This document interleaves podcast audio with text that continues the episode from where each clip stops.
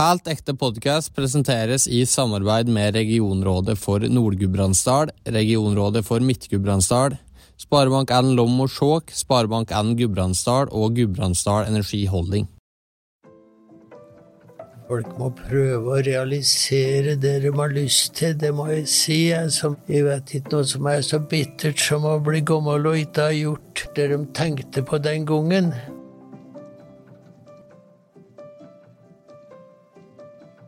Du hører på Helt ekte med inspirerende gudbrandsdøler. I denne podkasten skal vi prate med gudbrandsdøler som har våga å gå egne veier, følge sin lidenskap og vært framgangsrike på sine områder. Og da så vil gjesten dele historier, erfaringer og refleksjoner fra egne liv. Dagens gjest og inspirerende gudbrandsdøl er skuespiller Per Tofte. Sørfrønningen Per Tofte debuterte som skuespiller ved Trøndelag Teater i 1963. Etter dette har han bekledd en rekke roller innen film, TV og teaterverden, både i inn- og utland. 88-åringen har bl.a. spilt i William Shakespeares As You Like It, i eventyret Østen for sol og Vesten for måne, En folkefiende, Lillehammer, Olsenbanden og som den aller første Per Gynt ved Gålvatnet i 1989, for å nevne noe. Per Tofte, velkommen til Helt ekte. Takk, takk. Hvordan er det å være hjemme på Fron? Ja, jeg har ikke noe fotfeste på Fron lenger. Jeg har ikke det, så jeg er gjest på hotellet når jeg er her. OK. Jeg har ikke noen stand å helle til i Fron lenger. Men hva vil du si er hjemme for det? Nei, det er i Oslo, det. Absolutt. Jeg har jo familien min der, så det Ja. Nei, jeg er jo en utvandra gudbrandsdøl. Så jeg, jeg er ikke hjemfos, som det heter, som mange gudbrandsdøler er. For jeg vil det bort helt fra det kan komme i haug. Faktisk, jeg vil det ut. Det er det første jeg kan komme i haug, egentlig. Men jeg var galgutten. Så jeg kommer i haug at når jeg kjørte med far, og jeg satt på lasset, så sa folk at 'Å, der sitter galgutten'. Og det syns ikke jeg gjaldt mer. For jeg følte meg ikke som noen galgutt, og jeg hadde ikke lyst til å bli det heller. Så min fantasi var det å komme meg ut, rett og slett. Så jeg er ikke egentlig noen trofast gudbrandsdøl. Hvor ofte er du på Fronat?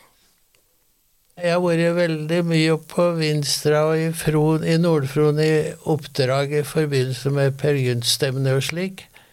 Men jeg er eldre her hvis jeg ikke har hatt noe oppdrag her. Bortsett fra nå når jeg da syns at jeg ferierer på Gålå og, og for i år, da. Men Gålå er liksom favorittstedet for meg. Og nå For terrenget der er så lugumt for meg som er så gammel på Gålå. Ja. prater jo om å gå på ski, eh, Per, og at du fortsatt driver aktivt med det. og Du har støtt vært sprek og sporty.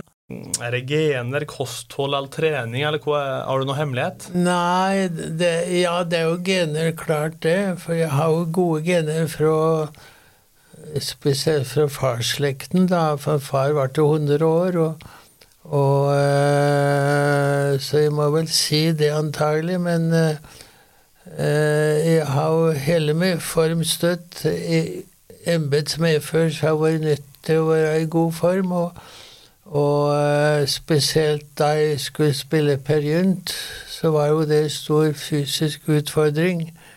Så, og da var jeg jo velvoksen.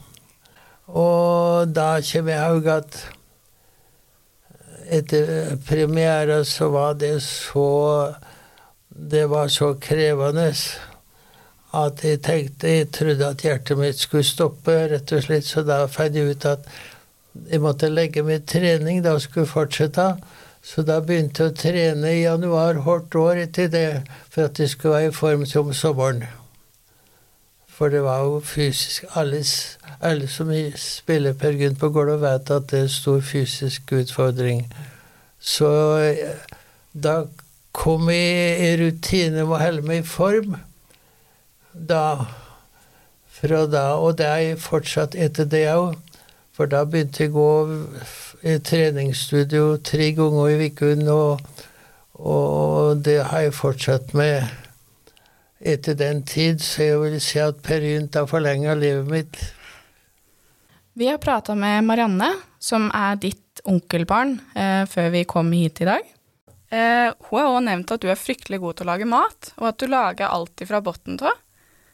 Har du på en måte et bevisst forhold til kosthold? Det har jeg nok, men jeg, jeg trives godt på kjøkkenet. Det er, det er ingen plage for meg, så, så jeg, jeg kan vel si at jeg liker å lage mat åt meg sjøl, da for da risikerer jeg ingenting. Men, eh, men eh, nei, nei, kjøkkenet er trivelig for meg, altså. Jeg har ikke noe problem med det. Og i det hele tatt så setter jeg pris på god mat, fordi jeg har jo så eh, lange opphold i Frankrike at jeg vet hva god mat er for noe. Og du har tatt med deg fra Frankrike, da, til på en måte gode matretter hverdagskost. Biftek og pommes frites. Det er jo det enkleste. Ja. Og så, så i, i, Oslo så eter jeg rett som det når jeg skal ha god middag på Pascal, som ligger på Sankthanshaugen. Og der har de ordentlig fransk kokk, og det, det er akkurat som å være i Frankrike. Så eh, de franskmennene og mat, det er udiskutabelt det aller beste som er. Absolutt. Og det er òg rett ved der du bor, har jeg skjønt? Ja, det er bare fem minutter fra der jeg bor. Ja. ja. Mm. Absolutt. Du er nå 88 år. Marianne nevnte at det var nesten litt uvanlig å ha så mange planer for årene som kommer, eh, slik som du har. Er det en form for rastløshet, eller har du alltid hatt mye planer framover i tid? Nei, ja, altså Det er jo det at jeg har jo vært svært reisende av meg på mine gamle år. da Jeg har drakt ut på ganske dristige ekspedisjoner etter at jeg ble Jeg har aldri vært pensjonist på alvor før nå faktisk. Så jeg har reist veldig mye, og da har nok slektningene mine syntes det har vært veldig dristig når jeg har reist alene ut på eh, ganske risikable turer helt alene, da, fordi jeg har reist veldig mye alene. Og det har jeg skjønt i ettertid at det har av og til vært uforsvarlig lange skiturer alene i fjell og slike ting, det er jo ikke noe bra, egentlig. Så, og utenlandsreiser har jo vært av det dristigste slaget med lange fotturer i Høg-Atlasfjella i Marokko. Ti dagers vandring med å ligge og sove på så og telt i høgfjellet Eh, det er, siste gangen, da var jeg 81 år. Jeg var med på en slik tidagerstur, så jeg kan skjønne at noen av syntes det har vært litt uvanlig, da. Og jeg har jo faktisk etter den tid òg redd på kamel ute i Sahara, overnatta ute i Sahara og lene til et telt der. Med, ja, så jeg har vært på mange uforsvarlige ekspedisjoner som kanskje mange reagerer på. Ja, jeg har nok det. Men du gjør det lell? Eh, jeg kan si at jeg er kanskje berest, ja. ja. Hvordan er det å overnatte alene i et telt i Sahara? Nei, det var altså at uh, jeg hadde vært i Sahara tidligere og opplevd det som så aldeles enestående å ri på kamel under stjernehimmelen i i Sahara, for du har inntrykk av at hele himmelen kommer ned til, for det er jo bare stjernen. Og dette vil jeg oppleve en gang til, så jeg reiste da dit for å få den opplevelsen. Og bodde på et hotell i utkanten av Sahara. Og lurte på om jeg ikke kunne komme ut i en slik camp der. Men det var ikke sesong for det, så de ordna så jeg fikk ta en tur alene. Og kjørte meg ut i ørkenen med bil, og så der lå det en kamel og en liten gutt på 14 år som passa kamelen. Og jeg satte meg på, og oss vandra da i halvannen time inn i ørkenen og kom fram til en camp som det ikke var noen tid. Og der skulle jeg overnatte, og så kom det en fyr på motorsykkel og laga mat til meg for natta. Forsvant att da, så jeg sov der om natta alene. Og, men jeg fikk ikke se stjernene, for det var fullmåne, så hele ørkenen var ljos. Og, og jeg var egentlig skuffa for at jeg ikke fikk se den stjernehimmelen, da, skjønner du. Men jeg, jeg greide å turen. Og så kom de om morgenen og henta meg med en, en slik eh, Land Rover eller noe slikt, så jeg slapp å ri attende. For det var ganske hardt å sitte på en kamel. Men du nevnte jo nå at du har blitt eh, pensjonist på alvor. Hva ser da en vanlig dag ut for det, når du Ja, virkelig nei, er når jeg sier at det er på alvor, så er det at jeg har jeg hatt oppdrag å se fram til helt til nå. Men nå har jeg sett punktum, da.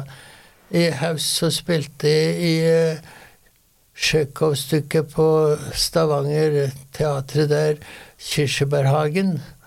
Og det var det siste jeg gjorde da. Men jeg er ikke så redd for det, for jeg har jo heldigvis stor interesse å, å lese, så jeg leser mye. Hvilke andre planer har du for det neste året, da? Er det noe stort som er Nei, nå, tenkt? nå skal jeg være pensjonist, da, så det jeg skal gjøre nå, det er eh, Ja, det er altså det eh, Jeg må komme i rutine med å gå i treningsstudio igjen, og det er vanskelig å komme i rutiner. Jeg hadde veldig gode rutiner før den der, den der eh, pandemien starta. Og da var jo slutt der. Men etter det så har jeg ikke kommet i gang igjen. Så nå må jeg bare komme i gang og, og trene for å være i form. Ja. Da for meg sjøl. Så hvis jeg har det tre ganger i uken, og, og alle avisene og det jeg leser, så tror jeg at det skal gå. Og så Nei, så kan jeg jo gå og, se forskjellige Jeg går ikke på teatret lenger, nesten, for jeg hører så dårlig. Men jeg går i operaen, for der hører jeg at de, de, både musikken og jeg kan lese tekster hva de synger om. Så jeg liker å gå i operaen. Så jeg går nå i operaen og ser det meste som går der. Nei, jeg er ikke så redd for tida, skjønner du. Nei. Nei, ikke det. Så må vi gå litt at den eh, i tid, Per.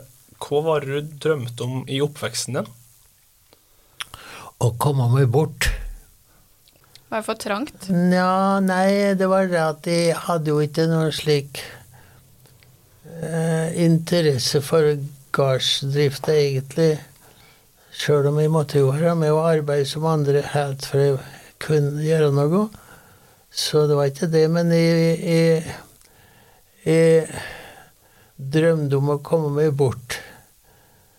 Så jeg hadde en slik eh, slags fantasi om det, så jeg kommer haug i Klatra opp i høg bjørk og så ned Gudbrandsdalen og så på det fjordtoget som forsvant mot Ringebu, og at jeg en gang skulle sitte på det toget og reise ut. Jeg hørte den, eller lest, tror jeg, i Fronsbygdin, den Ja. som du har skrevet, Ja. at eh, du rømte til Lillehammer? For et legebesøk, eller på Nei, sjukehus eller noe? Det er at jeg tror at jeg jeg tror at jeg greide å få doktor til å tro at jeg hadde blindtarmbetennelse, så jeg kunne komme på Lillehammer og bli operert, for da kom jeg i hvert fall til Lillehammer. og det gjorde jeg. Vi kom til Lillehammer 1945, da var jeg ti år gammel og ble operert for blindtarm. Men jeg vet ikke om det var feil noe der. Men det kommer da så langt. Ja. Det var første ekspedisjonen min. Du nevnte jo at du eh, ville komme deg bort og komme deg ut i oppveksten, men eh, kan du fortelle litt mer om hvordan det var? Hva gjorde du, liksom, og du, har du noen minner du kommer godt i haug fra du vokste opp? Nei Det var jo Altså, for meg så var jo Det var jo mor som ville at jeg skulle begynne på gymnaset på Vinstra. Og egentlig så hadde jo vel min utlengsel fra en mor, tenker jeg, og jeg ble smitta av hennes. For hun var jo en fanga fugl oppi der, egentlig.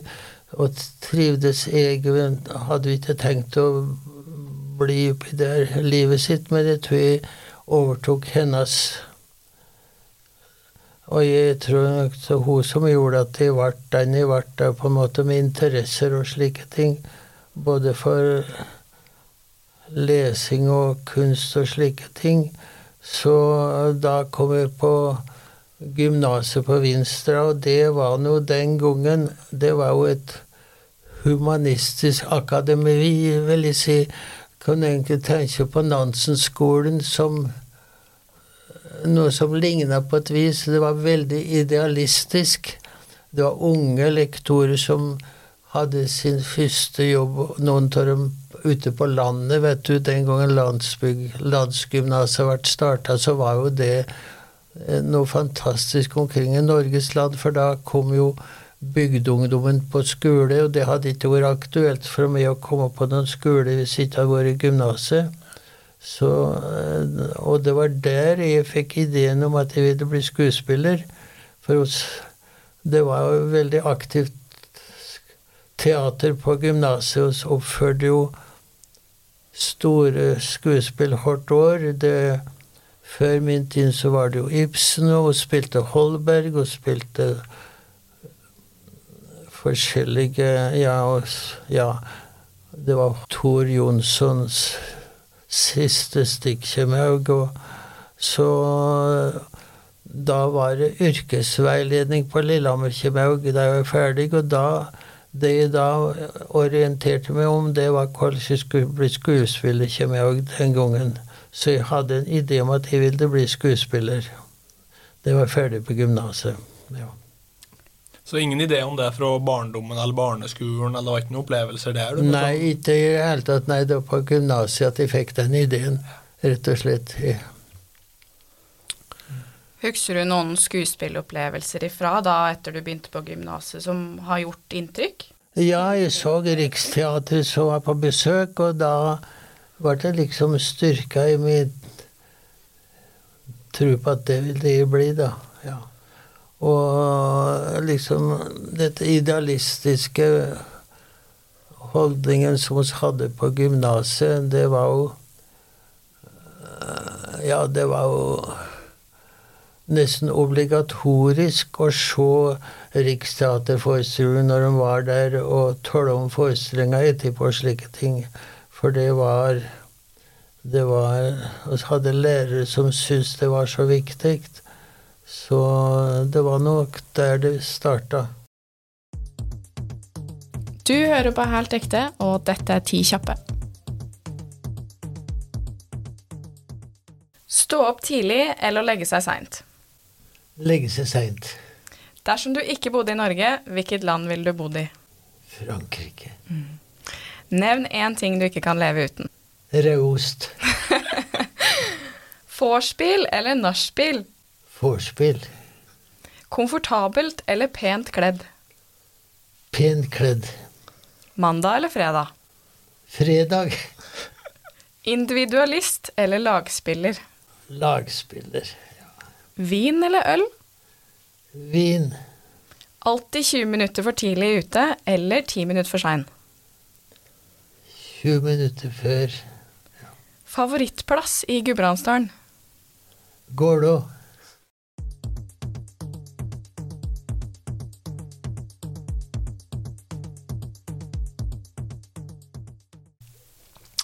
Og så har jeg fått høre at uh, hørt og lese at uh, far din ikke var så veldig begeistra for det kunstneriske skuespilleryrket. Uh, kjente du veldig på et press om å ta over gården? Ja, det er mildt sagt at ikke han var begeistra. Han ble rasende da han fikk høre at jeg skulle bli skuespiller, så det ble så alvorlig at det var stor krise, rett og slett. Og det var, En tålte vi mye om det, men det var mor som fikk hele greia, og hun som trygla mye om å finne på noe annet enn skuespiller. Og derfor så tok jeg den store omveien om filologisk studium, fordi at jeg ville ut i verden. Og da tenkte jeg hvis jeg lærer meg språk, så kommer jeg iallfall ut. Så derfor så begynte jeg med fransk som første språk. Det var helt fremmed i hans miljø den gangen. og teater var helt fjernt for det. Så jeg skjønner jo at han syntes at det var vanskelig, men Og så var jeg jo liksom ikke på talefot, så det var liksom stilltiende raseri fra hans side, da. Så jeg måtte bøye av. Hvordan opplevde du det? Det opplevde jeg nok som så forferdelig at det har vært merka for det nesten resten av livet, vil jeg si, som ingen andre kan skjønne. Fordi jeg overførte hans holdning på hele miljøet, liksom at det var et helt miljø som var på hans side, på en måte. Så derfor så jeg tror det var der, derfor jeg vendte meg så bort fra det gudbrandsdalske og ikke vært en ordentlig gudbrandsdøl, for jeg flykta fra hele mentaliteten, vil jeg si. her. Hva legger du i å være en ordentlig gudbrandsdøl? Ja, ja, det, så vidt jeg skjønner, så er mange gudbrandsdøl de lengter opp i dalen igjen og føler seg hjemme der, men ikke jeg. Når jeg passerer Fåberg, så blir jeg deprimert, rett og slett. Åssen utvikla forholdet mellom deg og far din seg etter at du på en måte hadde kommet deg ut da og fikk starta karrieren? Nei, du, du, skjønner det at den generasjonen hadde ikke noe evne til å tåle over ungene sine, egentlig, så det var eldre snakk om det, men så måtte jeg ikke nevne at de drev med teater. Det kunne ikke nevnes i det hele tatt. Det var tabu, rett og slett. Mm. Det var like ille som jeg skulle jobbe på en bordell i Paris og være i teatret. Så det var ikke snakk om å nevne det i det hele tatt.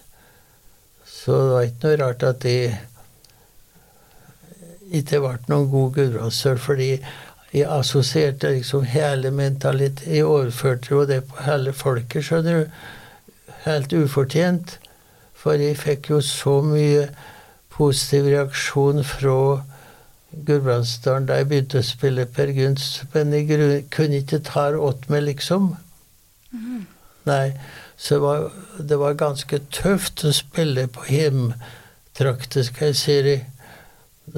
For jeg syns at for, for forestilling så syns jeg at det satt en hel gjeng med med Gudbrandsdølen som var liksom en far som satt der, som jeg skulle da spille teater for, og det var liksom så tøft hver gang. Så det var Sjøl om jeg hadde for faktisk sa at jeg hadde en suksess, så kunne jeg ikke ta det innover meg. Mm. Jeg kunne ikke glede meg over det, for det, det, det nå i ettertid så gjør jeg det, da. Men da det sto på, så var det ikke lett, altså. Det var ikke det. Det var ikke det. Men ditt eh, forhold til Gudbrandsdalen har egentlig nokså sterk tilknytning til din relasjon med din far, da, egentlig? Ja, faktisk det. Men det Dette er psykologi på djupeste plan, skjønner du. At de ble på en måte skahauget, som det heter, på et vis. Og det kommer kroppen i haug sjøl om den har glemt det sjøl. Jeg tror det ligger på det, for jeg tenker jo det tar helt livet, å skjønne hvordan er, den, den den er. Så jeg blir liksom sett attåt en slags depresjon når jeg kommer oppi her. Ja. Forbilder. Som ung er det jo kanskje litt vanlig å ha foreldre som forbilder, og forstår at du har hatt et litt anstrengt forhold kanskje selv til din far. da. Ja, ja. Hvem forbilder hadde du når du var mindre? Nei, jeg hadde vel litt av forbilde, tror jeg, men jeg tror kanskje det var at jeg hadde såpass godt forhold til mor at hun skjønte meg. Kanskje at det, at det var på en måte det som berga meg gjennom det. da.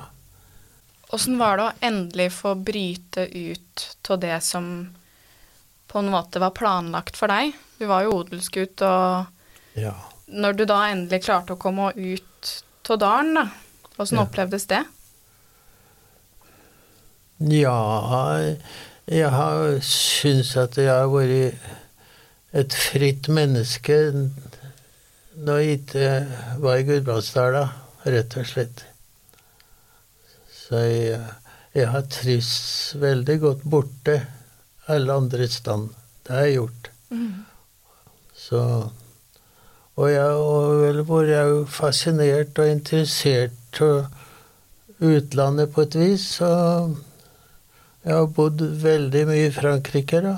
Så jeg har vært Jeg må jo si at jeg har vært forma i mine 20 år.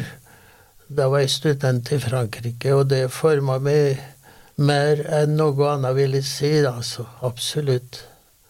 Og hva du så for deg når du da kom til Frankrike som ja, eller i 20-årene, da. Ja. Eh, Åssen så du for deg framtida di da?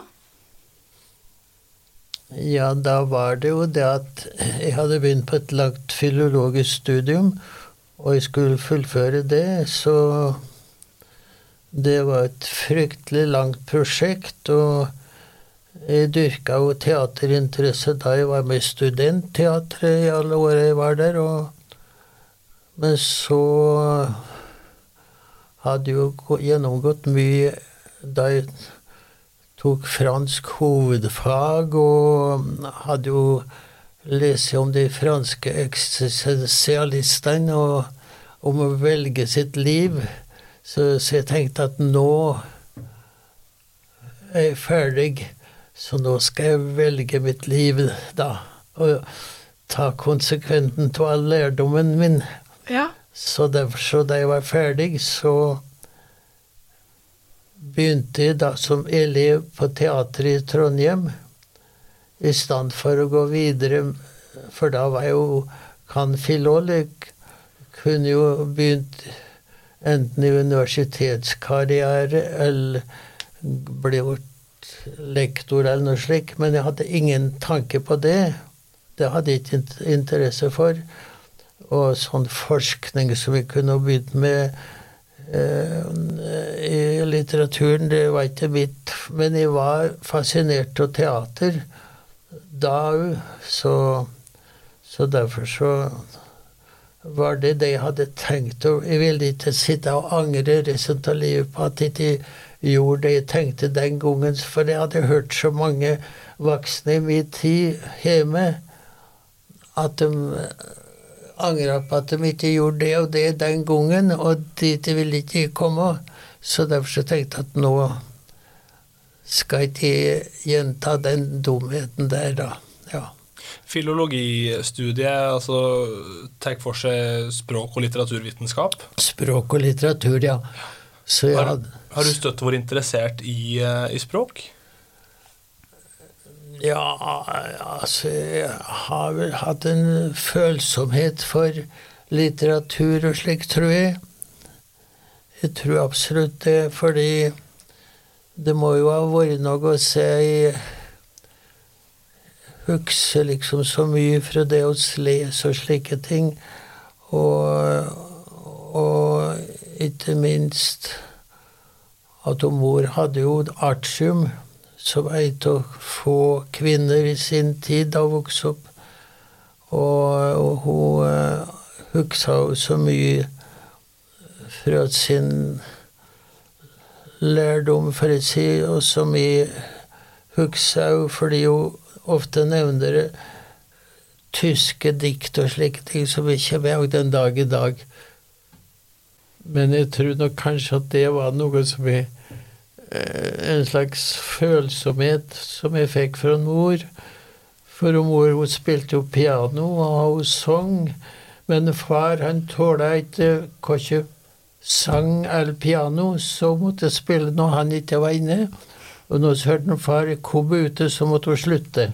Så det var jo forferdelig, egentlig, for henne, da som ikke kunne uh, i det hele tatt ha sine interesser uh, annet for seg sjøl. Og hun hadde også støtt ei bok liggende på nattbordet sitt om hvorfor hun leser de store kvinnelige forfatterne Sigrid Undset og Selma Lagerlöf og slike ting. Så jeg tror at det var nok slike ting som virka på meg, mm. tror jeg, da. Jeg tror det. Brukte du, brukte du den motgangen som du fikk fra far din, når du da når du da starta på utdanning og på en måte i 20-årene? Nei, altså jeg begynte jo på teater fordi jeg var interessert og ville bli det jeg hadde tenkt å bli. Og så det var jo liksom Det var jo liksom en eksistens som var helt løsrevet fra det jeg kom ifra, rett og slett. Det var det. Mm. Ja. Har du noen spesielle verktøy som du bruker hvis du Eller som du brukte da, eller som du bruker nå, hvis du kommer opp i noe som er krevende, eller en stressende situasjon, eller noe? Ja, det kan jeg si. Jeg lærte meg meditasjon en gang, og det har jeg hatt stor nytte av i ekstreme situasjoner. Når jeg liksom ikke har skjønt hvordan jeg skulle greie det, så har jeg tenkt at da er det eneste jeg kan gjøre, det å meditere. Så da kan jeg i hvert fall prøve det. Så jeg, det vil si det eneste jeg har kunnet bruke som virkemiddel i ekstreme situasjoner. Ja. Det er jeg faktisk.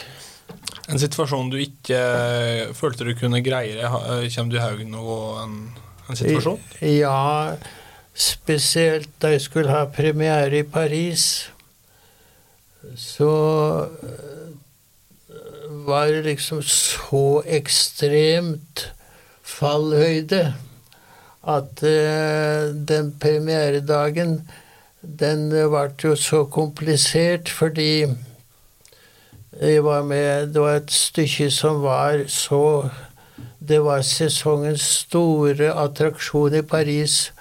Det var en oppsetning av et stykke som heter 'Kameliadamen'. Alexandre Dumas som har skrevet en historie som er liksom en klassiker i Frankrike da. Og så hadde hun satt generalprøve, og det var kostymer og alt slikt fra aller høyeste hylle, alle folk. Og hadde fantastiske kostymer, og jeg hadde jo Jeg, jeg spilte en rolle som beskytteren av denne Camelia-damen, som egentlig var en finere prostituert som de hadde i Frankrike, som kalte seg for kokotter. Og jeg var den rike beskytteren og hadde et fantastisk kostyme som det var som en slik motekolleksjon. Og, og etter generalprøva da så skulle jeg ha premiere, og da har jeg mine ritualer på en premiere at den dagen skal liksom ikke ha noe stress i det hele tatt. Og så ble jeg opprykt om morgenen at alle kostymene skulle bort, og at jeg måtte skaffe meg eh, altså, en eh, frokk, som det heter på fransk. Altså, du tenker på disse Ibsen-kostymene med sånn frakk, liksom, og flosshatt og alt dette her. Du måtte skaffe meg et utleiebyrå i Paris sjøl den dagen, så jeg brukte hele dagen på å skaffe meg kostyme til om kvelden. For de andre guttene var det enkelt, for de skulle ha smoking, og det var lettere, men akkurat det jeg hadde, var vanskelig. Og så da jeg kom på teateret om kvelden da, så hadde jeg ikke fått nesten slappe av i hele tatt. Og jeg var så stressa at jeg akkurat som jeg hadde en jernring rundt i hodet. Og, og, jeg tenkte at dette her greier ikke, så jeg, da var jeg aldeles fra meg, for jeg trodde jeg skulle overleve dette her. Og da var det at jeg tenkte at eneste jeg nå kan gjøre, det er å sette meg inn et rom og slukke lyset og meditere, og det gjorde jeg da. Hvor lenge satt du der? Ja, der satt jeg en times tid, da. Og det hjertet? Og ja, så jeg kom i hvert fall gjennom premiere uten at noe gikk galt. Vi befinner oss jo nå nokså tidlig i karrieren din eh, i Frankrike. Da hadde du noen mentorer som har vært veldig viktige for deg som ja, i 20-åra og tidlig i karrieren for at du skulle fortsette utviklinga di? Nei, du, det, Hvis jeg har savna noen ting, så kunne det være at jeg savna gode rådgivere. Jeg hadde ikke noen mentorer, og det var veldig tøft å studere òg, fordi det var studielån, og jeg måtte gjennomføre alltid. Det var et visst tidsrom, så det var veldig stress med å komme, i, komme fram til å avslutte alt sammen. Så jeg tok jo Jeg tok jo eksamen faktisk et halvt år før skjema, egentlig. Så det var jo veldig stressende tid. Det var det absolutt. Vi har pratet litt med en Reidar Stangnes, som var initiativtakeren bak eh, Per Gynt-stevnet, som for første gang ble satt opp ved Glåvatnet i 1989. Ja.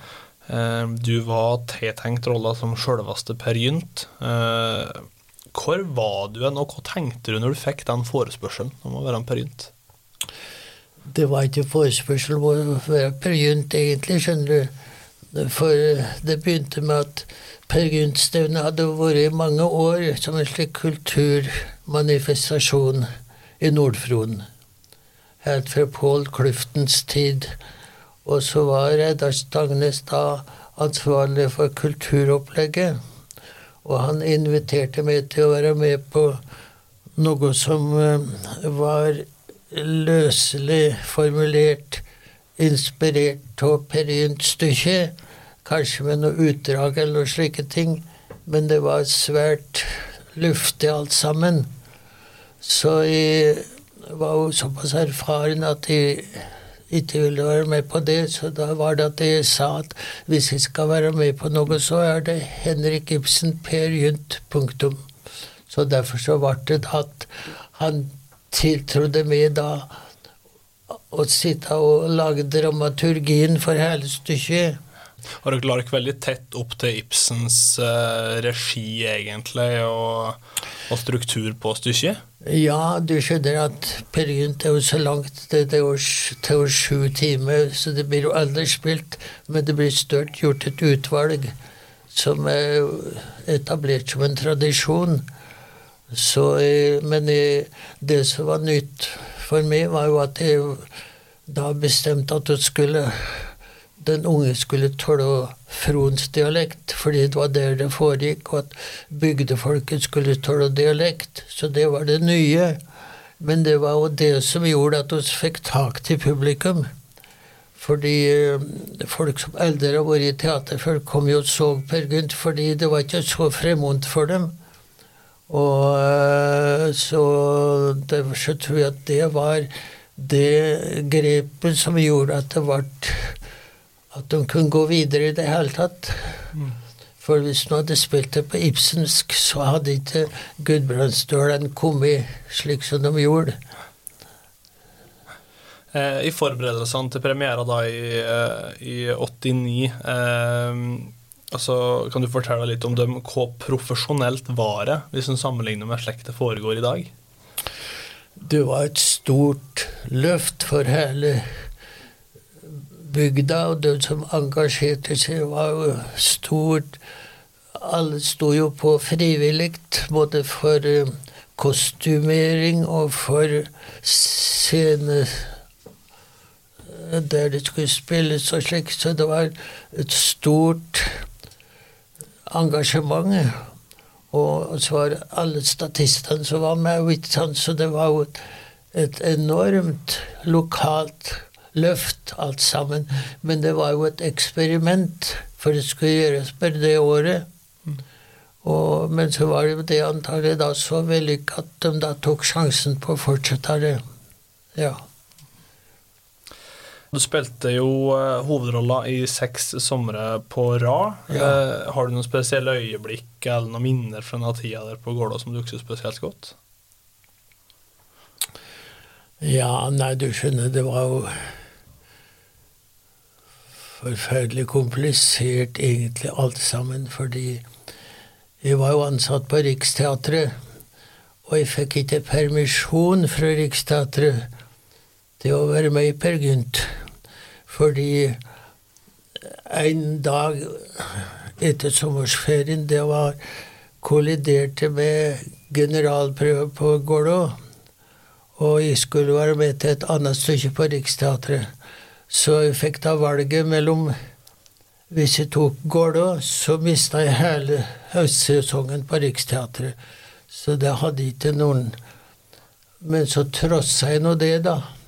Så eh, Da var jeg på prøve på Riksteatret om dagen, og så reiste jeg med toget til Lillehammer, og der henta ordfører Gunnar Stenseng meg med bil og kjørte meg til generalprøven på Gålå, som var dagen som jeg hadde prøve på Riksteatret.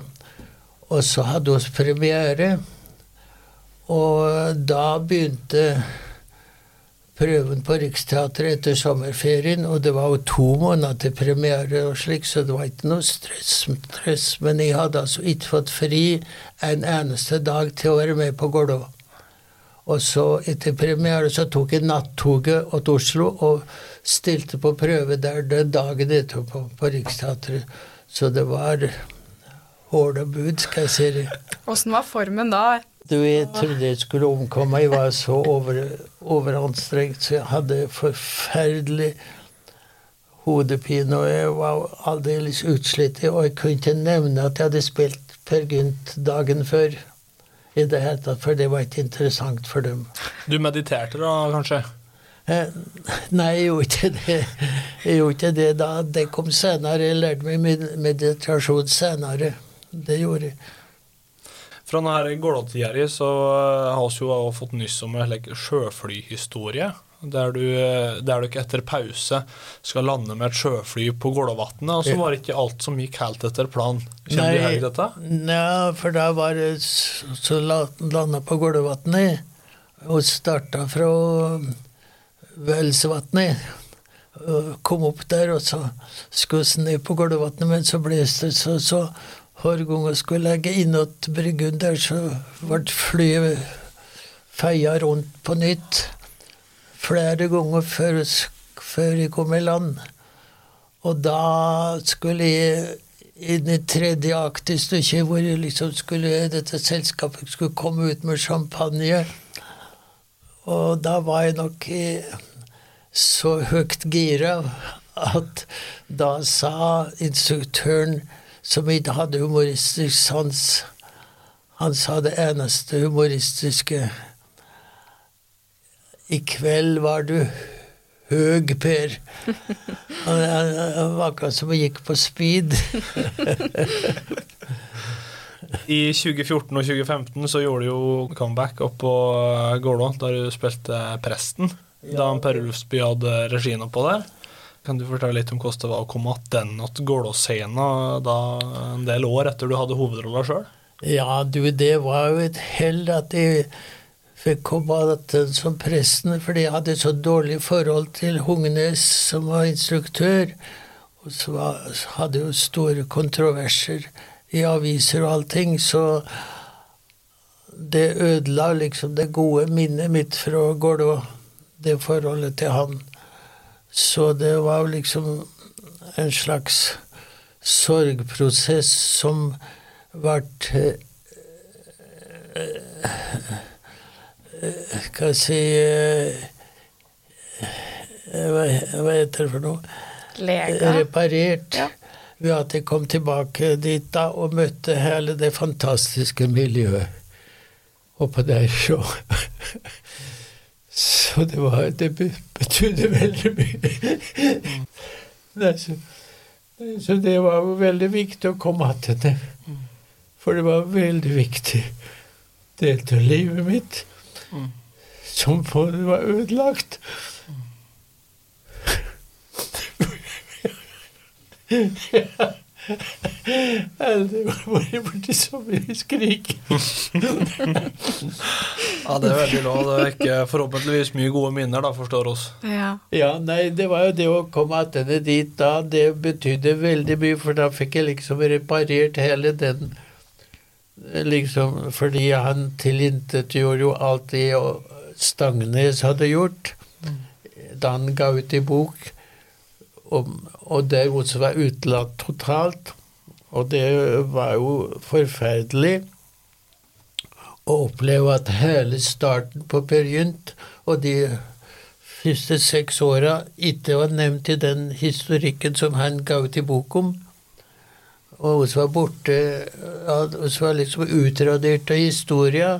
Og det syns jeg var jo forferdelig, for det var jo en viktig del av mitt liv som da bare vært strukket over, og, og så mm, Nei, så derfor det at jeg kom tilbake som pressen da det var Og syntes at den oppsetningen var så fantastisk god. Så det var Jeg hadde så stor beundring for Ulfsbu som greide å fornye alt sammen og sette Per Gynt på sporet på nytt. For det var, han redde jo hele tradisjonen på et vis. For det var en stor suksess da. Håkon Sveen, din, eh, Ja. din kompis, og Ja. som òg var med å kalle det oversatte Ja, litt av Per Gynt. eh. Han har sammenligna deg med Per Gynt eh, og sagt at du er norsk av fødsel, men verdensborger av gemytt. Og du tenker for noe da, når han på en måte sier Sammenligne deg med det og Per Gynt? Håkon kjenner meg jo veldig godt og har fulgt meg sånn vet du kan tåle om. Ja. Men eh, det var jo slik at da jeg hadde spilt Per Gynt i seks år Og i Per Gynt så står det jo at Per han drar jo fra Svikter jo alle sine og reiser ut av landet og slår seg ned på vestkysten av Marokko. Og da jeg var ferdig med Per Gynt, så gjorde jeg akkurat det. Jeg svikta mine. Flykta for alt, sa opp på teatret og reiste nettopp til vestsyden av Marokko og bodde der i fire år. Så jeg, jeg var jo akkurat som Per Gynt. Så sa jeg da til mine venner at hvis jeg nærmer meg Egypt og asylet der, så må du komme og hente meg hjem igjen. Og du dreiv med i Marokko? Jeg var jo ledsager da til fransk dame som var eh, kulturattaché. Så jeg reiste med henne fra alt som var i Norge, og reiste der. Og der eh, var jo ingenting jeg kunne få gjort som skuespiller. Men jeg fikk nokså fort tilbud om å være reiseleder for Startur temareiser. Temareiser, det er jo liksom litt fordypning i reising, vet du, så som folk vel for de skal ha noe mer enn bare reise. Så jeg var tema reiseleder i noen sesonger i, i Marokko. Så jeg reiste med skandinaver i Marokko og ned til Sahara med grupper. Så jeg, jeg ble jo så godt kjent med Marokko, fordi som reiseleder for temaet så skal du ha noe å, by på. Så jeg hadde bygd meg opp en veldig solid dokumentasjon om Marokko som jeg kunne fortelle turistene. Og jeg fikk jo tilbakemeldinger som sa at, at at de fortalte var mer verdt av turen. Så jeg får jo fortsatt julekort fra noen som var med på mine reiser i Marokko fortsatt. Det. Det er som oss forstår eh, like at du har reist veldig mye. Og når du har vært ute i den store verden, eh, lurer på er det noen verdier du har med som timer fra oppe i Tofte og fra Gudbrandsdalen? Om det er noe noen verdier? Ja, det er det nok, ser du. Det Gudbrandsdølen på sitt beste er jo ærlig. Stolende på folk. Så jeg har nok en slags tiltro til folk, da. Jeg må si det. Ja. Så selv om du har prøvd, du sa jo tidligere i stad at du har til litt avstand fra den der Gudbrandsdølen, at du har litt anstrengt forhold til den, men da litt Gudbrandsdøl Slik det, var, da slik det var da, før skjæra. Det har jo forandra seg totalt, hele Gudbrandsdalsmiljøet. Det som var utenkelig da, er nå tenkelig nå. Det er ikke det minste rart at noen finner på å bli skuespiller herfra nå lenger. Så det har forandra seg til det bedre. Det har det jo absolutt gjort. Ja. Disse årene du har vært i både Frankrike og Marokko, eh, har du merka noen store kulturelle forskjeller f.eks. i skuespillermiljø, eh, hvis en sammenligner med Norge? Nei, jeg vil jo si at teater er det som overalt. Sånn, noen kommer inn i et teaterhus samme hvor jeg er, så, er litt, så kjenner du det nesten som hjemme, for det, er det er noe felles i alt sammen, da. Det er det. Sjøl om eh, teater i, i Paris og slike ting Det er jo mye tøffere hos oss, for det er jo det oss har jo ensemble hos oss, så folk har en slags trygghet.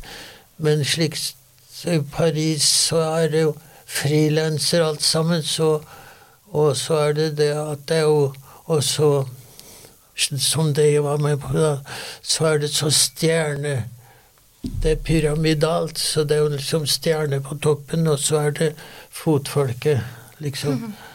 Slik var det, da der jeg var. Det var jo pyramidalteater. Det var akkurat som å spille med dronninga på alle måter.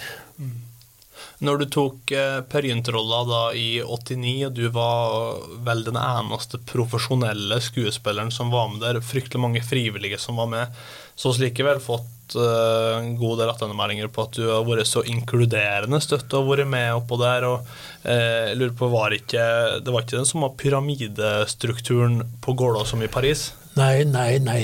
Ikke på noen måte. Og Nei, det var ikke det, og jeg måtte Ja. Nei, det var, nei, det var jo det at jeg måtte ikke stikke opp på noen måte, vet du. Med de, de, profesjonelle som var med. Hungenes og Tellefsen og Larsen de kom fra Nationaltheatret. Jeg kom fra Riksteatret, og det hadde ikke prestisje i forhold til Nationaltheatret. Så derfor så måtte Hungenes Nei, det var Stangenes. Han måtte holde disse her disse nasjonalteaterskuespillerne fornøyde. Så derfor så fikk jeg ikke lov til å eh, For eksempel så fikk jeg ikke lov til å ha navnet mitt på plakaten før siste året. Og eh, fordi det tåltes ikke for Hognes. Så da jeg hadde spilt i fem år, så ville jeg slutte. Og så ble det trygla om å være med det sjette året, og da stilte som betingelse at jeg skal være med hvis jeg får lov til å ha navnet mitt på plakaten. Hva er det som driver deg, Per? Det må jo være eh, at jeg har jo bevist på en måte at jeg har hatt muligheten til å velge min egen vei, for å si da. Det er viktig for meg, altså. En slags frihet. Ja. Ja. Det å være fri, det er vel kanskje det jeg setter pris på i, i alle sammenhenger, da. Også i samliv og slike ting.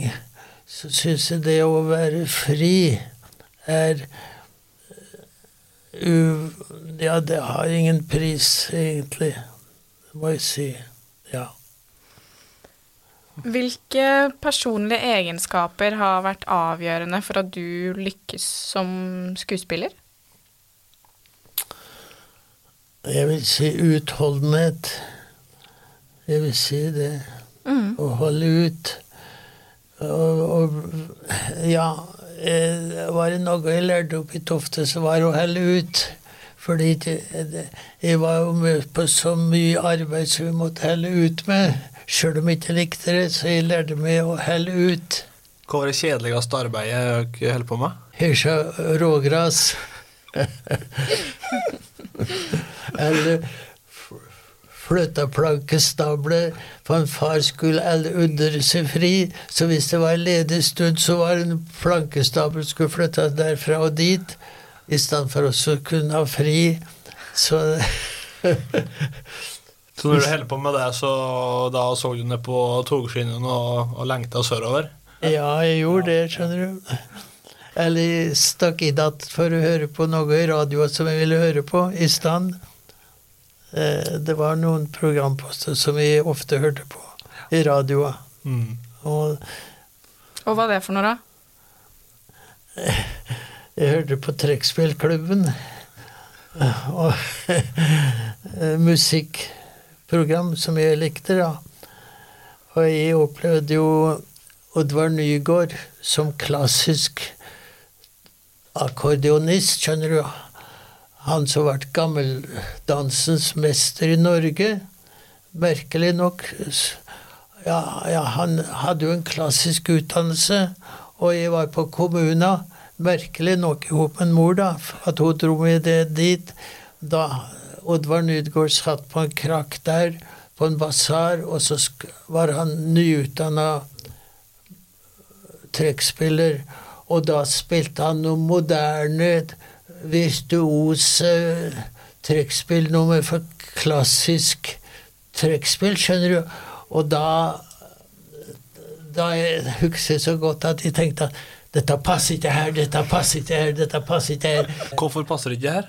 Nei, for det var noe som eldre hørt maken til, og så hadde jeg hørt vals og masurka og den slags, vet du, men der satt han med et veldig virtuos trekkspillnummer, ikke, som, som ikke var helt tatt ligna på det jeg hadde hørt før.